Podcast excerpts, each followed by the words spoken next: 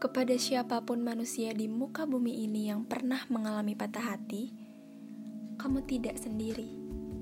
Kepada siapa pun manusia yang merasa dirinya tidak pantas dicintai, kamu pun tidak sendiri.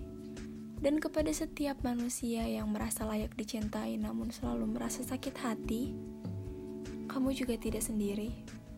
Setiap patah hati yang kita alami saat ini akan selalu ada orang lain yang sudah terlebih dahulu merasakan apa-apa yang kita rasakan saat ini.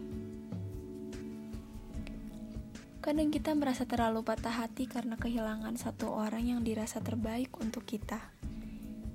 Hingga beberapa orang menganggap hal tersebut adalah sebuah kisah patah hati terbaik untuknya. Tidak lama setelahnya, orang tersebut bertemu dengan orang baru, dan ia kembali merasa jatuh cinta ia akan melakukan apa pun untuk memilikinya. Seluruh janji, segala harap telah jauh mengangkasa. Mereka akhirnya saling memiliki, memuji satu sama lain, seperti tidak ada celah, seakan tak mampu pisah. Dan tiga bulan setelahnya, mereka berpisah. Tidak cocok katanya lelaki atau wanita yang saat ini kau pikir terbaik untukmu bisa jadi alasan kau patah hati di kemudian hari.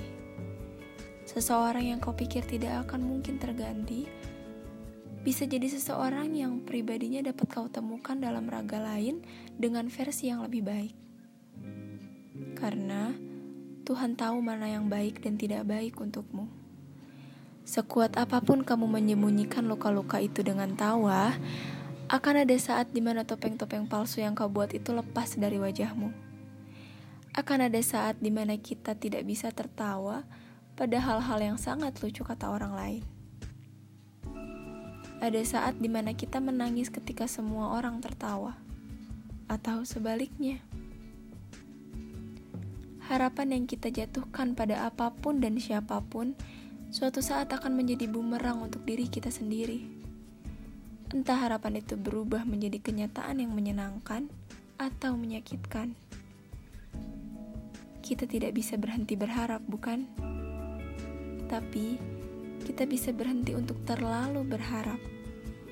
Berhenti untuk melakukan sesuatu yang kita tahu akan membuat kita patah di kemudian hari. Kalau hari ini kamu sedang mengharapkan seseorang, maka kamu harus siap jika harapanmu nanti berubah menjadi kenyataan yang menyakitkan, yang menjatuhkanmu. Kamu harus siap dijatuhkan oleh angan-anganmu sendiri. Kalau hari ini kamu sedang berharap menjadi A atau menjadi B, kamu harus siap jika nanti Tuhan berkehendak lain.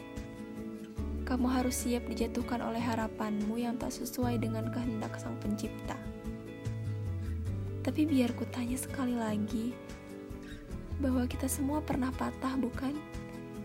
Kita semua pernah jatuh, kita semua pernah kecewa. Dan kalau memang iya, harusnya kamu yang hari ini sudah bisa menjadi orang yang lebih dewasa.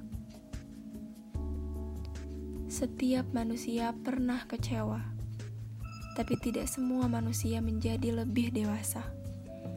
Kalau kemarin kita patah, hari ini harusnya kita sudah jauh melangkah.